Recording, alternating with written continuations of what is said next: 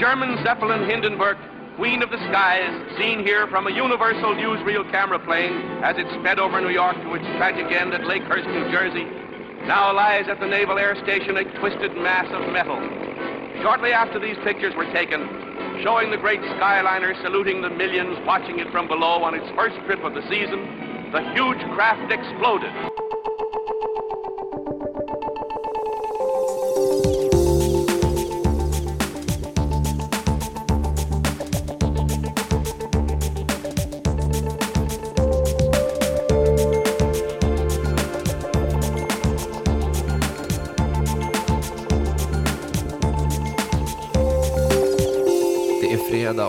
Vi hälsar välkomna till Gruset i den intellektuella maskinen och kulturpodcasten Obiter Dictum med mig Tobias Nordström. Och med mig, Billy Rimgard. Allt väl? Det är normalt. Som Status quo med andra ord. på, på ryskan så är det ju, när man frågar på ryska hur läget är så svarar de normalna. Alltså man säger bara att det är bra om någonting verkligt bra har hänt. Och jag förespråkar. Ja, det, det låter, låter som en bra eh, värdering. Det är en mer eh, rimlig, realistisk eh, hållning till sakernas. Definitivt. Vad har du haft för dig sen vi grottade ner oss i zombies förra veckan? Jag har grottat ner mig i turkisk nanotech. Hoppla! Ja, känn på den. Är det i Ian McDonalds senaste roman The Dervish House. Um, Ian McDonald har ju skrivit ett, ett par riktigt bra såna här eh, cyberpunk slash sci-fi grejer som är väldigt så här, tydlig geografisk eh, placering. Ma- eh, River of Gods som handlade om AIC i Indien och Brazil som handlade om, eh, oh, vad handlar den om? Nu har jag tappat handlingen till den, men det var i alla fall i faveor i, eh, i Brasilien och nu är det alltså The Dervish House som handlar om nanotech i Istanbul. Och, eh, han är väldigt bra på att kombinera levande geografiska eh, skildringar med eh, devilish technology. Ja, fantastiskt. Eh, och jag har faktiskt gjort något så deprimerande som att eh, gått och tänkt på självmord. Oj! Inte mitt eget eh, då, utan eh, jag har sett en fantastisk dokumentär från eh, 2008 tror jag den kom, som heter The Bridge eh, av Eric Steele. Eh, Och den handlar om Golden Gate Bridge som en plats eh, från vilken olika amerikaner antingen försöker ta livet av sig eller lyckas. Filmen inleds med ja, massa klippbilder över Golden, Great, Golden Gate Bridge och sen ser man helt plötsligt en person som tar steget över och hoppar. Oj. Alltså, jag förstår att det skulle vara så, sådana klipp i filmen och jag trodde liksom att ja, men det, det är inga problem. Men när jag såg det så bara så här, sög det till ganska rejält i magen. Liksom. Det förstår jag verkligen. Eh, men väldigt, väldigt bra film, väldigt gripande, många bra historier. Mm. Eh, rekommenderad tittning så här i höstmörkret. Kanske ska vänta tills de första vårblommorna knoppar ut så man inte går under. ja, känsliga, känsliga tittare va- varnas eh, om, man, om man har en mörk själ. Mm. Vad står på agendan denna obiter dictum-dag då? Ja, idag ska vi med anledning av Roger Sterling prata om eh, cross-platforming. Mm. Eh, vi ska även eh, titta lite grann på ditt favoritämne, eller ett av dina favoritämnen, zeppelinaren. Mm. Eh, och sen till sist så ska vi gå all in på Rubicon. Mm, äntligen. Äntligen! Minor spoiler alert för Mad Men, eh, Roger Sterling, cross-platform-grejen. Bara minor, men däremot kanske major spoilers för Jag, ja, Rubicon. jag vet inte, kanske inte major, men, men eh, vissa. Vi, vi, vi säger det i alla fall ifall vi hasplar ur oss någonting som avslöjar eh, något. vi, Vi hoppas att de flesta har sett Rubicon. vi ska försöka att inte spoila handling kanske. Precis. Ja. Men eh, det första, cross-platform, det, det diskuterar vi med anledning av att eh, Roger Sterling i Mad Men, un, under säsong fyra så såg vi honom ofta sitta med en liten rullbandspelare på sitt kontor och läsa in minnen. Han skulle ge ut självbiografin Sterlings Gold eh, om sitt liv som en reklamman. Och nu släpps ju den här i eh, The Really Real World som en bok. Exakt vad den innehåller och om det är eh, ja, om, om, om det är liksom en sidohistoria i Mad Men-universumet och så vidare. Ehm, det är lite oklart, men den går att för, förhandsbeställa i alla fall på Amazon. Och det, här, det är ju rätt uppseendeväckande på ett sätt, för det här med byta plattform, det brukar ju vara mellan film och datorspel eller bok till film eller Mm. någonting sånt där. Så kallad horisontell marknadsföring som man säger Mm. på fint mediaspråk. Precis. Ehm, det finns faktiskt ett annat exempel när en eh, fiktiv bok i en tv-serie ges ut på riktigt. Och det var ju Bad Twin, en deckare som skrevs av Gary Troop.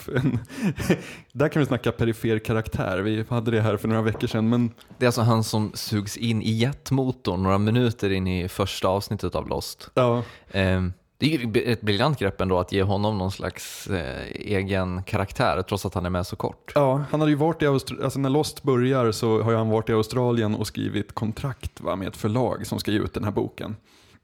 Um, den publicerades ju, alltså anledningen till att det var en dålig bok, den var jättekass.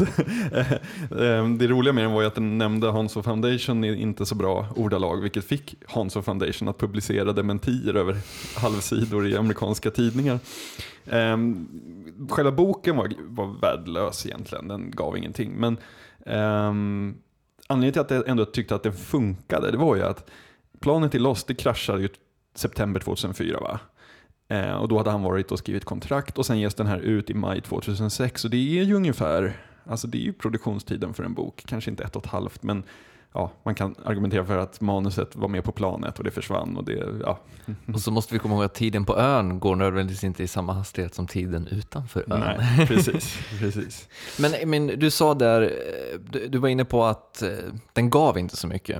Och jag tror att det är en ganska här, ledande grej här, för att just den, Bad Twin, läste ju många just för att få någon slags ytterligare insyn i hela Lost-mytologin. Eller förstår du? jag Mm. menar, man hoppades på att kunna lägga en eller två bitar till till pusslet. Mm. Ehm, men det, så var det väl inte riktigt. Jag läste ju inte boken, men jag har fått uppfattningen att det inte riktigt var så. Man fick, nej, man fick ju inga konkreta pusselbitar. Nej. Men i och med att det var det här Bad Twin-grejen, mörkt, mörkt och ljust och, och så vidare. Det, det handlade ju om, jag kommer inte ens ihåg vad det var nu, men det var någon stor affärsmagnat som hade en tvilling som, ja, begick något brott. Jag, jag kommer inte ihåg exakt hur det var. Eh, man fick ingenting eh, matnyttigt rent konkret. Däremot så var det ju väldigt uppenbart en Lost-bok. Mm. Alltså den, man, man fattade, det, det kändes att den utspelade sig i Lost-universumet även fast liksom ingenting av det vi såg från tv-serien nämndes vid namn så att säga. Men jag tyckte att den låg eh, liksom rätt i tiden och funkade, men, men funkar en Mad Men, alltså funkar Roger Sterlings självbiografi när den kommer 2010? Alltså jag tror ju att det, det, det är lite både och det där självklart. Eh, det finns ju inte samma, samma grej här att man kan hoppas på läsaren för att, för att få reda på någonting om Mad Men-mysteriet. Eller, förstår jag menar? För det finns ju inte. Nej. Utan det är ju på något sätt att få eh, någon, någon större inblick i Roger Sterlings liv på något sätt. Mm. Men det är inte Roger Sterling som är mest intressant i serien, tycker Nej, inte jag i alla fall. Han är ju liksom bara en försupen, han är ju bara en av många försupna gubbar som ligger med sekreterare. Ja, och det, men på, på ett sätt kan det ju vara bra därför att eh, det, det, det tvingar liksom den här boken att stå på sina egna litterära ben. Mm. För gör den inte det så är den ingenting. Liksom. Nej. Så att visst, är det en bra, en bra, ett bra litterärt verk så är, funkar det väl jättebra i linje med, med Mad Men. Eh, men är det inte det så är det ju ingenting. Då är det ju bara billigt, ett billigt sätt att dra in, mycket, mer- eller dra in mer pengar på hela Mad Men-konceptet. Eh, ja, ett stort problem jag känner inför sådana här eh, experiment, eh, det är ju lite att eftersom det inte är liksom tv-seriens skapare och författare som har skrivit det, i och för sig de kanske har skrivit ett synopsis på några A4 och sen är det någon som mejslar ut den, det vet man ju aldrig. Men um, det är lite, lite, lite det problemet jag har haft eh, exempelvis när det ges ut långa, långa eh, boksviter om tv-serier. När jag var nere med Star Trek så försökte jag läsa lite Star Trek-böcker. Men det är det där, man, får, man blir inte så peppad för det känns inte kanon, det känns inte kosher. Är det, men det är viktigt för dig att det är kanon också, eller? För fanfiction är ju nästan aldrig kanon. Nej, men då är det någonting annat. Jo, det, Alltså, jo, det är... fan, fanfiction tar jag älskar fanfiction och det är ju ofta för att den tar ju på något vis, den tar karaktärer, miljöer och teman som vi känner till. Men sen gör den en liten twist på den oftast. Det är ju ingen som har skrivit Star Trek fanfiction som berättar en vanlig Star Trek-historia, utan det är väl snarare så här, eh, liksom, Rikers, liksom att han är in the closet. Och då kan det bli en väldigt intressant bok. Alltså jag ska komma med en bekännelse här och det är att jag ett tag läste väldigt mycket, eller väldigt mycket, men en hel del i alla fall, eh, erotisk fanfiction. Mm. Eh, jag vet inte, det är på något sätt ganska så här, en, majoriteten av fanfiction är väl lite erotisk på ett eller annat sätt? va? Ja, men det här var inte lite erotiskt. Nej, okej. Eh, men alltså en favorit var, eh, det här kommer ju låta ännu sjukare, men eh, mellan eh, Harry Potter och Malfoy. Mm. Alltså det är väldigt många så här, inom, inom Harry Potter-fan-communityt som tycker att det finns någon slags homoerotisk laddning mellan eh, Malfoy och eh, Harry. Mm. Eh, och då har skrivit en hel del noveller kri- kring deras så här, förbjudna kärlek. Mm. Och de är, alltså, det finns några av dem som är jättebra eh, och jättefina verkligen. Och ganska erotiska. eh, jag vet inte, det, det känns som så här... Det, känns, det gör på något sätt att, att, att fanfiction blir ett sätt att få utlopp för det som inte kan vara med i, i själva, i själva det, det universumet. Precis. Malfoy och Harry kommer ju aldrig ha en, en romans i, i um, J.K. Rowlings Harry Potter-version. Liksom. Nej, och det är det jag känner är så här, om man, om man eh, tänker Star Trek, alltså att läsa en bok som bara är som ett avsnitt. Mm. Ett mysterium dyker upp, de måste lösa det och sen åker de vidare. Liksom. Eh, Alltså om det, om, I och med att böckerna, författarna där, de kan inte införa någon ny grej om att så, ja, men The Borg, de har, en, eh, de har en svag punkt i det här. Mm. De, kan inte introducera sådana saker därför att de, alltså de kan inte bidra till eh, skapandet, utvidgandet av en franchise-universum. För att det har inte de mandat för, utan de måste liksom verka inom universumets ramar.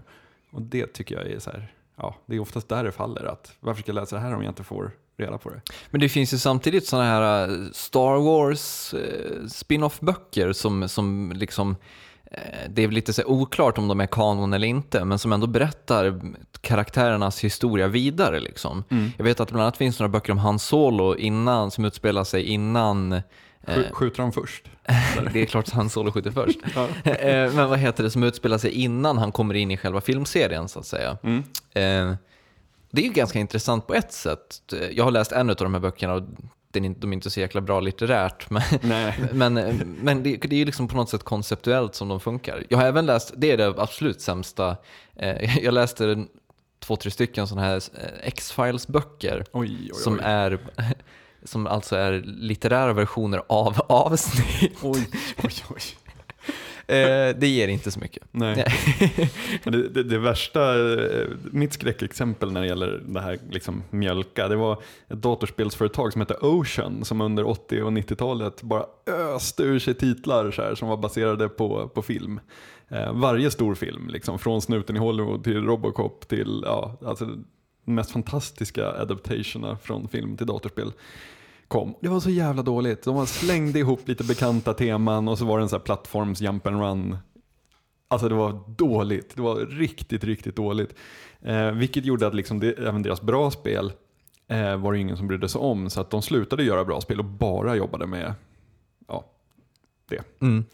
Spel är annars kanske den formen, eh, framförallt rollspel, som, som, eh, som jag känner eh, förädlar den här konsten med de här sidoberättelserna i litter, litterär form. Eh, vi såg ju här i veckan, du hade bland annat på din blogg The Red Shirt Guy, som på Blizzcon ställde en dräpande fråga till skaparna av eh, World of Warcraft. Vi kan väl lyssna på vad han sa? Ja men absolut. Eh, Det är alltså en, en besökare här som ställer Wise President of Creative någonting. Alltså han som har skapat World of Warcraft-universumet helt Ja. enkelt. Han ställer honom mot väggen med en fråga om var en viss person tog vägen. Hello. I have. I just finished reading The Shattering yesterday, and I noticed something.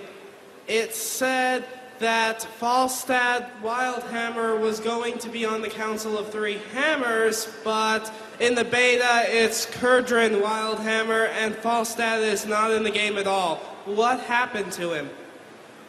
Isn't Falstad dead? From uh, Day of the Dragon? No? No, he survived, and in fact, he was the leader of Airy Peak and Vanilla WoW at, through Wrath of the Lich King. Right, of course. Right. Yeah, Alex, what's up with that? Thanks, thanks for pointing that out. We're gonna get that fixed. Thank you. Bet. Det här, det här är ju, en- man märker att det här är en person, för honom är ju kanon viktigt. Ja. yeah, mm, thanks for pointing that out. Eh, men, på, men samtidigt så är det ju, precis som du var inne på i, i eh, din bloggpostning, så är det ju, det är verkligen de här eh, Blizzard-killarna som framstår som oerhört dryga och, och eh, liksom vidriga medan han framstår ju som oerhört sympatisk och liksom påläst. Ja, verkligen. Det är ju han som ska sitta och skriva mytologin, Visst in, inte dem. Visst Liksom. är det så. Jo, men, och det, det är också en så här väldigt tydligt, alltså, det, det åkte ju Lost-skaparna på några gånger trots att de, alltså, även om de var väldigt här, bra organiserade så gjorde de ju några små missar. Och vilken skit de fick då liksom. Och eller missar, det var ju snarare kompromisser. Att så här, ja, men vi låter den här karaktären bara försvinna därför att kontraktdispyt med skådespelaren. Eller, alltså, det var lite sådana här saker. Ehm, Tänker på Echo då eller? Ja, bland Ja, annat. Eh, det finns ju en, eh, de införde ju vissa saker som liksom aldrig liksom togs någonstans och som folk var upprörda över. Eh, nu sitter jag med dåligt med exempel här. Nej, men vi hade ju det där klippet i vår Lost special med han som listade alla saker han inte fick svar på. Just det. Eh, vi, vi sa ju då att vissa av dem fick vi svar på, men det finns några där som hänger löst. Mm, verkligen. Men, men jag tycker att det tyder på, alltså Blizzard här, det tyder på en viss arrogans. Alltså när man lanserar en produkt och säger, här har vi byggt ett helt universum. För att ni ska kunna bli bra på det här så måste ni lära er alla raser, vad de har för egenskaper, vilka personer som gör vad, vilka som är i allians med vilka, bla bla bla. Och sen då när liksom dollarna börjar rulla in och man, man sitter säkert där, då skiter man i sin mytologi. Och liksom lämnar det till sådana här red shirt guys att, att liksom rätta en. Korrekturläsa. Ja, men lite så. Jo, alltså jag har ju spelat World of Warcraft en kort period eh, och jag kan ju säga att eh, jag, jag är inte helt in, eh, införstådd med hela mytologin och det är ytterst få som är det eftersom att den är väldigt, väldigt stor. Eh, och det, liksom, det räcker nästan om du, om du fördjupar dig i, i någon liten gren av det, därför att det finns så oerhört mycket. Liksom. Eh, så att det finns säkert massa sådana här saker som eh, Red Shirt Guy pekar ut. Men det är, liksom, det är ganska irrelevant i the greater scheme of things egentligen. Ja, Men samtidigt, eller- jag, jag är ju ja. helt på hans sida med att han vill ju att det ska vara stringent. Mm. När han sitter och läser, vad heter det, på mytologin så vill ju han att ja, det, men det ska ju motsvara hur det ser ut i spelet. Men jag tänker när man läser sådana här, eh, ofta är det ju science fiction eller fantasy-författare. Jag, jag läser inte fantasy men däremot blir det ju desto mer science fiction. Eh, som Alastair Reynolds, eh, när man bygger ett enormt universum och låter liksom fyra, fem tjocka romaner och ett gäng novellsamlingar utspela sig i det. Ehm, jag menar alla de författarna, fyra, fem är ju bara i Alastair Reynolds fall, de flesta jobbar ju upp mot så här 13-14 liksom, eh, delar i serier. Och de lyckas ju bygga universum som håller ihop. Alltså, sk- skaffa en, en stor whiteboard och väldigt många post-it-lappar. Liksom. Eh, och, och på, något, på något sätt så är det, eh, jag håller med om att i, i, i the greater scheme så är det kanske irrelevant om World of Warcraft hänger ihop. Men när man börjar med någonting så, så liksom, ja, men då, kommer man, då gör man en överenskommelse. Alltså skaparen säger det här kan jag erbjuda dig. Och man själv svarar genom att gå all in och sitta och bry sig om detaljerna i Lost eller vad det nu är och försöka dekoda och förstå. Eh, Och då kan man inte helt plötsligt bara bryta det kontraktet genom att säga nej men han finns inte med längre. Utan att ge en vettig förklaring till det. Alltså, på något sätt, det är så här, ja. Det, det blir lite som så här när, alltså snurran i, i Inception, liksom. helt plötsligt så upptäcker man att oj, det här var inte på riktigt. Eller förstår du vad jag menar? Definitivt. Eh, jo, men, och där kan, men om vi går tillbaka till Roger Sterling så tror jag att det, alltså där, det finns någonting som talar för att det skulle kunna bli ganska okej ändå. Eh, och det är hela den grejen med att vad gäller Bad Twin så måste den författaren hela tiden liksom stämma av med skaparna eller någon i alla fall som är creative producer eller något sånt här. Eh, måste stämma av med dem så att han inte avslöjar saker eller vad han får skriva etc. Eh, just för att det måste hänga ihop.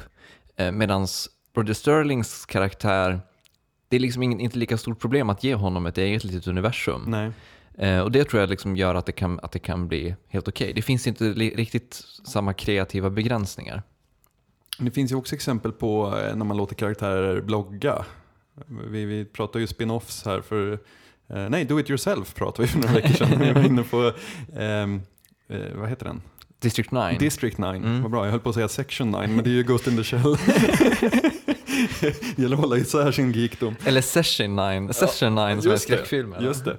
Ehm, District 9, där lät man ju eh, aliens blogga inifrån det här lägret. Och det är också en form av liksom cro- cross-platform-grej som kan bli väldigt bra eftersom det höjer någon slags, alltså för, för, för the true fans så får de lite mer payoff. Liksom. Mm. Så det är inte helt av ondo, men det, det, är, det kanske är en finare linje att balansera på än många andra grepp.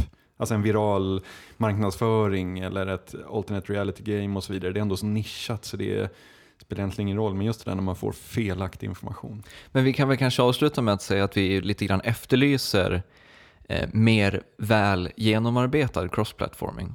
För Ja, att det finns verkligen. potential men man måste liksom lägga manken till och göra det riktigt bra. Japp. The wind is bad and the docking is a ticklish one, but it's all a thrill for the crowd of happy passengers eager to land after their transoceanic trip.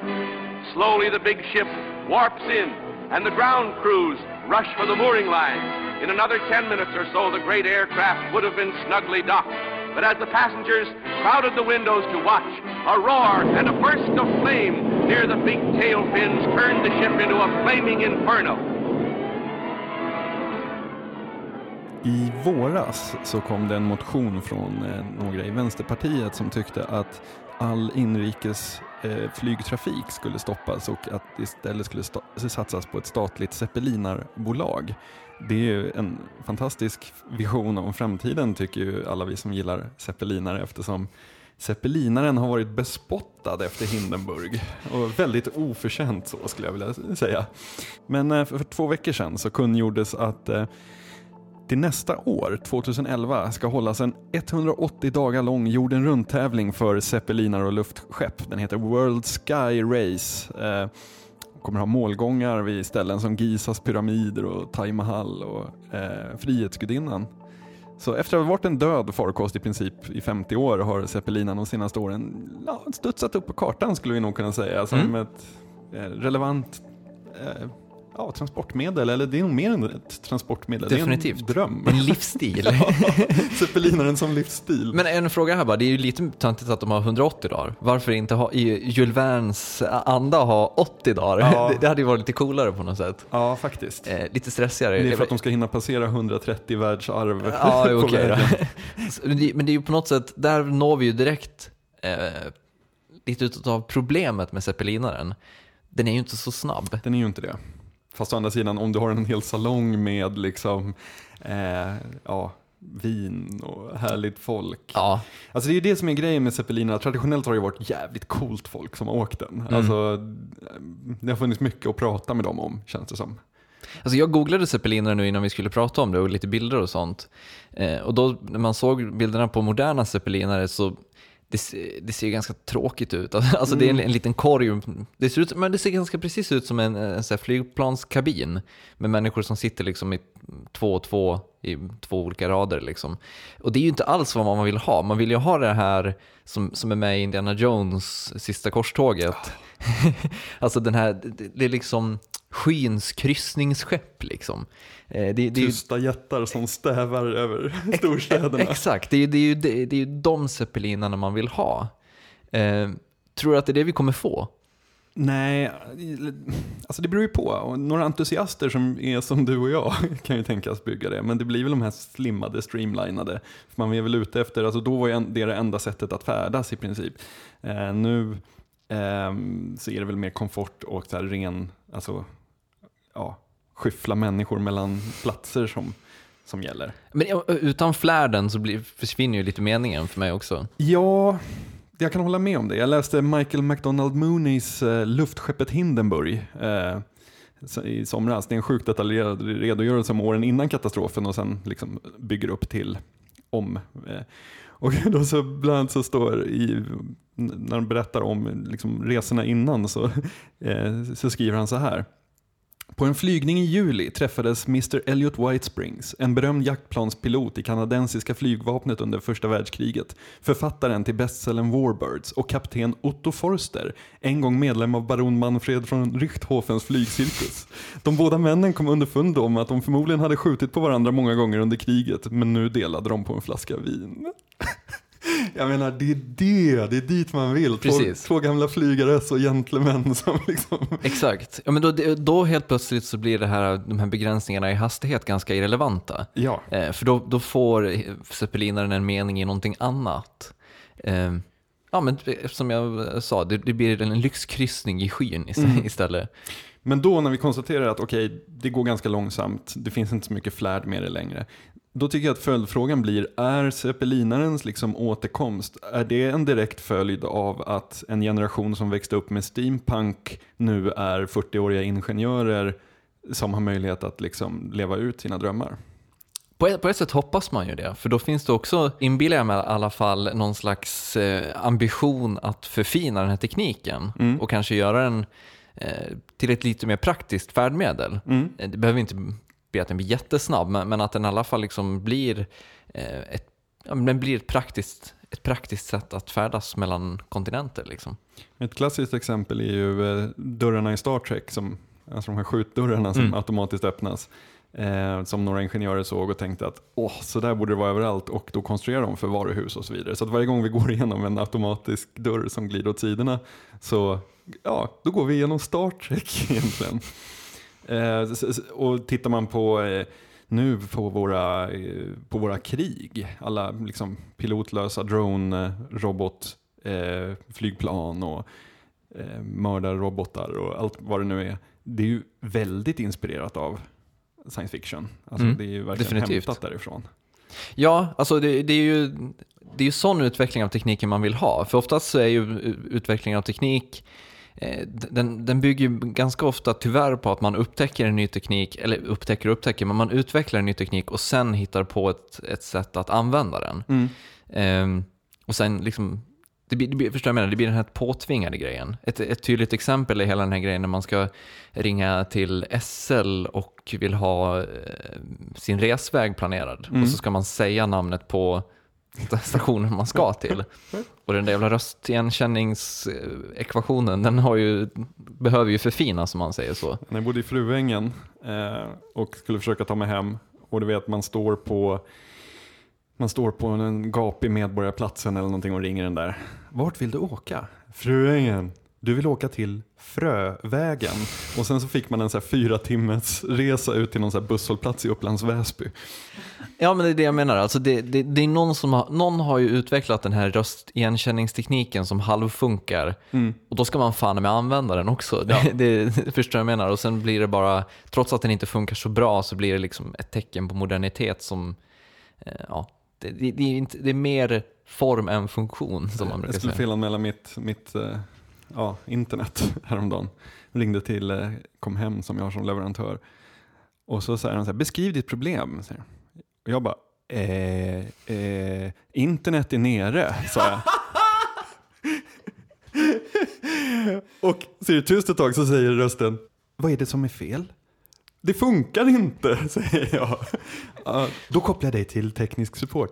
Och just det här, nä, nä, nästa gång jag ringde, nästa gång jag ringde, Ja, kände du det riktigt som en tech-geek när du hade gjort det? Ja, lite. Jag kände att okej, vänta nu, det är inte riktigt. Så nästa gång jag ringde då så sa jag, eh, mitt bredband fungerar inte. Då kopplar jag dig till teknisk support. Så,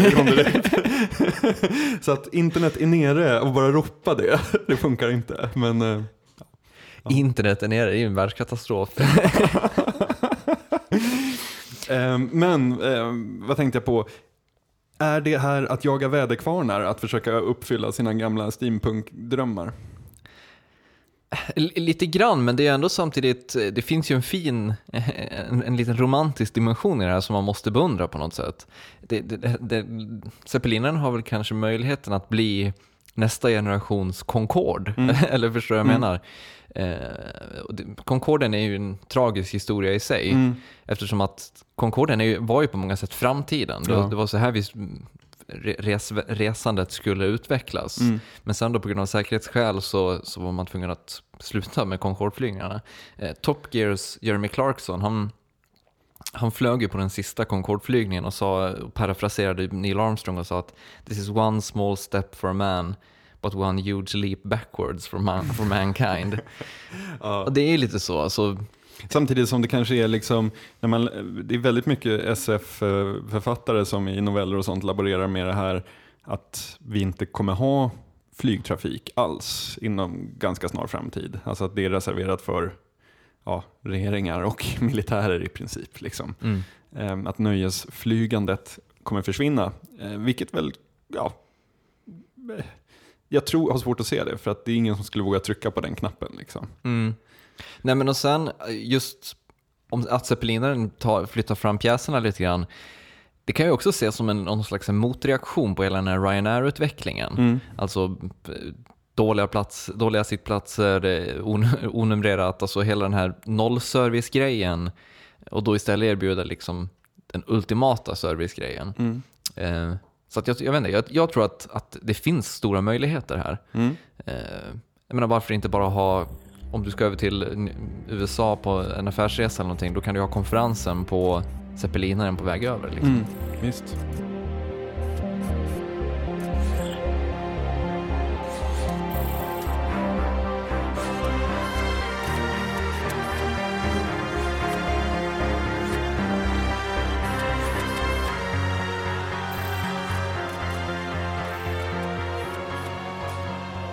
Och till sist i dagens Obiter-dikten så ska vi gå ner och prata om Truxton Spangler. Truxton Spangler. Eh, vi har ju så här på eh, den tidiga hösten förälskat oss i serien Rubicon, eh, AMCs konspirationssatsning.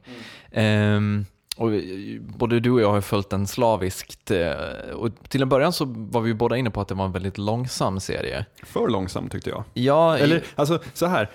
Första avsnittet, ascoolt. Andra avsnittet, okej. Tredje avsnittet, nu går det för långsamt tyckte jag. Eh, fick en liten dipp, men sen plockade jag upp och såg. Jag kommer ihåg att du reagerade på den, den grejen med att eh, när, de, när de började spåra Taneb i första avsnittet eh, så, sa Caleb åt Will, eh, alltså han som det handlar om, eh, fick en liten banning av sin chef efter att han hade lovat att de skulle leverera på 24 timmar. Eh, och då sa du att ja, det kändes tråkigt att de bara planterade den grejen för att lära Will en läxa. Och jag, jag sa då att så här, ja, men jag tror att det kommer att det kommer att det är det här som är huvudtemat för hela, hela serien. Ja. Alltså just Kaneb och, eh, tan, eh, ursäkta, Taneb och hela den, eh, hela de alla de personerna och hela den grejen. Eh, och det var ju tur att jag fick rätt. Ja, verkligen. Du har fått rätt i mycket. Eh, Din fringe prediction om att Fringe skulle tappa i säsong tre. Men Eh, jo, men, men Rubicon, ah, det känns som att så här, det är svårt att, att, att här, ändå gissa vad som kommer hända i den serien. verkligen. Och det är där nyckeln tycker jag ligger. Att så här, det, nästan allt annat, eh, om så här, criminal minds, en tidigare okänd karaktär kommer in i sitt mörka hus och hör ett ljud och så här, oj, vad är det här? Det måste jag gå och undersöka. Om han bara vet, okej, okay, okej, nu kommer hon bli mördad eller han blir mördad. Alltså det är så uppenbart. Och så jobbar ju, alltså det är ju ganska förutsägbar dramaturgi i nästan allt man ser. Men Rubicon, det, anledningen till att den är så spännande tycker jag, det är att vad som helst kan hända när som helst. Mm, definitivt. Jag har en, likna, en liknande berättelse, bara ett litet sidospår. Eh, jag och mitt ex brukade alltid kolla på House. Mm. Och House inleds ju alltid med att någon insjuknar. Ehm, och vi brukade alltid ha, vad heter det, tävla i att gissa vem det är som insjuknar. För att det är alltid massa olika karaktärer i den här första, första öppningsscenen och så är det alltid någon som man inte riktigt hade räknat med det som ja, men får en stroke eller faller ihop eller börjar blöda näsblod eller någonting. Ja. Det är alltid en liten sport då att, att försöka se så här, hmm, vem, vem kan det vara? Ja. Ehm, men åter till Rubicon. men, det här, men det här långsamma berättandet. Eh, för I Rubicon känns det verkligen som att, jag var lite orolig i början att det, att, att det var en pås. Mm. Eh, för att det finns, kan jag se, vissa tendenser i att, ja men, vi har en serie här, gör vi den bara så att den är långsam så kommer folk tycka att den är seriös och tung och så är den, då blir den klassad som en kvalitetsserie. Och jag, hade, jag fick nästan lite sådana vibbar jag också i början av, av Rubicon, men den tog sig ju. Det, fann, det, det här, för här känns det som att här finns det anledning till att ta det lugnt och varsamt. Håller du med om det? Ja, men verkligen. Jag var rädd på precis samma sätt. Att så här, okej, här har vi en story som inte riktigt håller. Nej, men vi filmar den som en så här 70-talsagentserie så, så kommer alla säga åh, har du sett Rubicon? Den är så långsam. Men fast sen fanns det ingenting i den. Men den har ju haft någonting i sig. Och Ja, verkligen. Jag tror, jag tror också att man, att man kanske blir lite lurad. Eh, att, man, att man har vaggats in i, i, eh, i hela den här Lost och The Event-estetiken. Att när det är konspirationer och det, det är eh, massa så här hemligheter som ska avtäckas, eh, då vill man ha de här liksom stora Rubicon moments, alltså Rubicon i, i den historiska meningen. Alltså att man vill att det ska slås på den stora trumman när, när det händer någonting stort. Och de får man liksom inte riktigt i, i Rubicon. Nej, och framförallt så är det ju så att till och med de stora, stora revealsen och de stora, stora händelserna sker med så här sjukt små medel. Mm. Det är bara Det- någon som lägger fram en lapp på ett bord eller det är någon som öppnar ett brev och får en fyrklöver. Eller, alltså det är inte det här, ja, Jo, men man jobbar mycket mer med symbolik än med, än med liksom eh, emotionella laddningar på något sätt. Mm. Och det, jag älskar verkligen det. Mm. Eh, och sen gillar jag verkligen också att det, att det inte, för att återkoppla då till The Event och, eh, och Lost, så är det inte en, det är, inte, det är en serie där det finns ett pussel, men det är inte upp till oss att lägga pusslet. nej. Eh, det är liksom, den, har ett, ett helt annat förhållande till, till information. Mm. Där information är någonting som karaktärerna pysslar med och som karaktärerna försöker förstå. Och vi kan bara förstå det genom karaktärerna, inte genom det vi ser eller det, vi, det som berättas för oss. Det är liksom omöjligt för oss att försöka klura ut någonting. Ja, ja, det är faktiskt sant. Alltså så här, i, I Lost, om, om du hade två personer som stod och pratade om någonting på en viss plats, så var det ändå upp till oss att så här, dekoda, vänta nu, pratar de om det här i någon slags liksom, symbolisk mening? Vad händer i bakgrunden? Titta, Mm. det ligger någonting på det där, det står ett porträtt där på byrån av den här personen. Och all sån information är helt irrelevant i, i Rubicon. Det finns ingen mening med att sitta och titta på vad som står på anteckningstavlan, för att karaktärerna står och pratar om det som står på anteckningstavlan. Precis. Och det liksom handlar mycket mer om att karaktärerna ska connect the dots och sen då försöka bevisa det genom att antingen fråga den här master mainframe-datorn som är helt fantastisk. eh, eh, antingen fråga den någonting eller bara se mönstret i all den här informationen. Och framförallt så är det ju så att de inte bara kan gå ner i arkivet och hämta fram information, för arkivet är så stort och det liksom finns så jävla många akter Mm. att det liksom överflödet gör att det finns inga enkla svar, utan det man får på något vis försöka se eh, en tendens snarare än att få ett svar. Och jag, tror- men jag tror också att vi var ju inne på, i ett tidigare avsnitt nämnde vi i förbifarten att vi älskade hur mycket papper det är i, Ja. i Rubicon. Jag funderar lite grann på det, alltså, jag tror att det hänger ihop, eh, det hänger ihop på något sätt med att de här eh, genierna då, de, de ska liksom hitta mönster i information. Och om du skulle göra det via databaser på, eller på nätet och sådana saker, då finns kanske inte de här mönstren på samma sätt eh, eftersom att det är liksom bara någon slags så här um, metakommunikation egentligen. Eller förstår du vad jag menar? Att så här, det är kommunikation om information som sker på internet. Det är inte informationen i sig, utan den finns liksom i the really real world. Eh, och det, det, är liksom, det är den informationen som finns i the really real world, really real world som API, alltså den här think tanken då, arbetar med att dekoda. Mm. Så att det är det är ett briljant grepp verkligen. Jag blir jävligt sugen på att börja liksom för varje projekt man pysslar med börja skriva ut allting. ja. eh, skriva ut och liksom läsa och redigera på det sättet. Ja. Ja, det är fantastiskt. Idag använder jag Scrivener som är ett fantastiskt program för, just för att organisera research när man sitter och skriver någon artikel eller st större projekt. Men ja, just det här att ha allting utskrivet.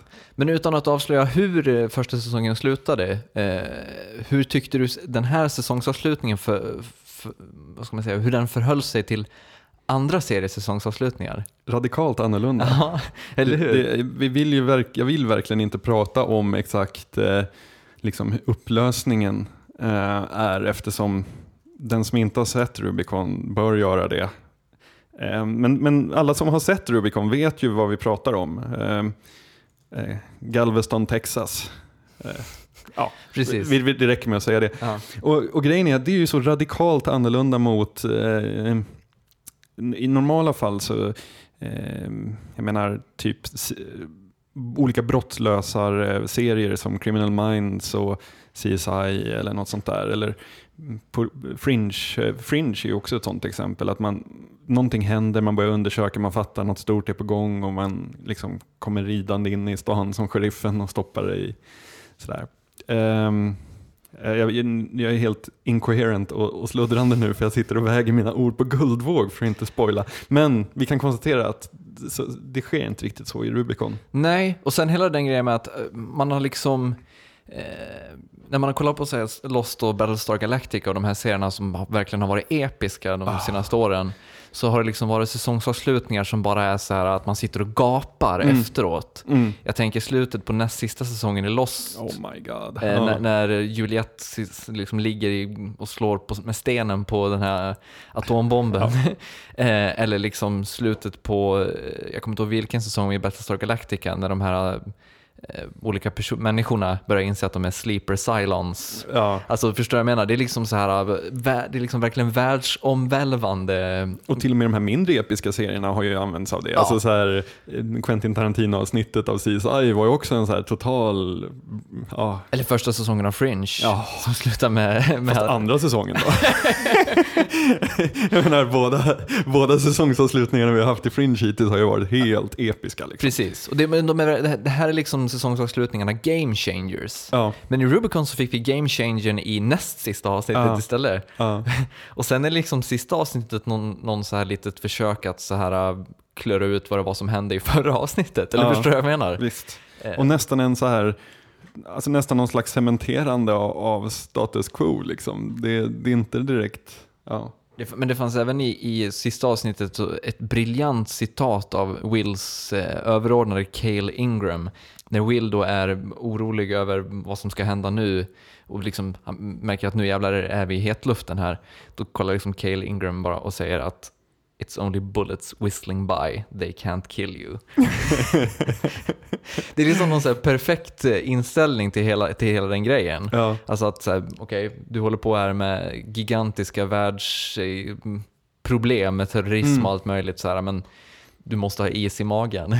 Jo, det, det är faktiskt en stor, eh, stor skillnad också. att Ofta när, när man har den här sortens serier om stora, stora skeenden så blir det lätt som så att man, karaktärerna framställs som de här som världen kretsar kring. Mm. Vi kanske inte känner till dem, men det är extremt viktigt att så här, ehm, eh, Frank Black i eh, Millennium. Millennium, det är hans jobb. Om det inte vore för honom så kanske världen skulle gå under. Eh, och han gör det i det tysta och i den här stora liksom. Ja, eller General Adama, vi var ju inne på Battlestar Galactica. Ja, absolut. Hela mänskligheten står ju bokstavligt talat och väger med honom. Ja, medan i, i Rubicon då är det mer så här att de har tillgång till informationen om alla de här stora skeendena, men kan inte göra så mycket åt den. Alltså de, de är bara betraktare på något märkligt sätt. Ja, och det fanns ju till och med, det är till och med ett avsnitt, eh, avsnitt 6 här i första säsongen som heter Look at the Ant. alltså bara det om något så vittnar ju om att, om att eh, de här karaktärerna är liksom bara små delar i något mycket, mycket större. Eh, Jag gillar även att de, de här obehagliga typerna i, i Rubicon är obehagliga, men även de med väldigt små medel. Mm. Eh, De sätter sig på någon parkbänk och säger några välvalda ord och ler. Ja. Eh, och du vet, liksom, det hänger ett mord i luften. Men, de, de ser inte så stenhårda ut direkt. Det är ingen med monokel som sitter och klappar en katt. Nej, exakt. Och det, det funkar ju givetvis väldigt bra. Vi har nått dagens ord på vägen, vilket vi här i Obit Riktum kallar för postscriptum. Eh, och jag ska börja med att tipsa om, ah, Tobias och ni andra som är nere med kulturen skrattar säkert, för det här är väl obligatorisk, obligatorisk läsning, men eh, för mig är det faktiskt nytt. Det är Jorge Luis Borges Labyrinths, eh, en samling noveller och texter som sådär suddar ut gränserna mellan verklighet och overklighet på ett väldigt skönt sätt. Magi och mysterier med filosofiska paradoxer. Mycket bra tips. Eh, och jag tänkte tipsa om någonting som ligger i linje med zeppelinaren.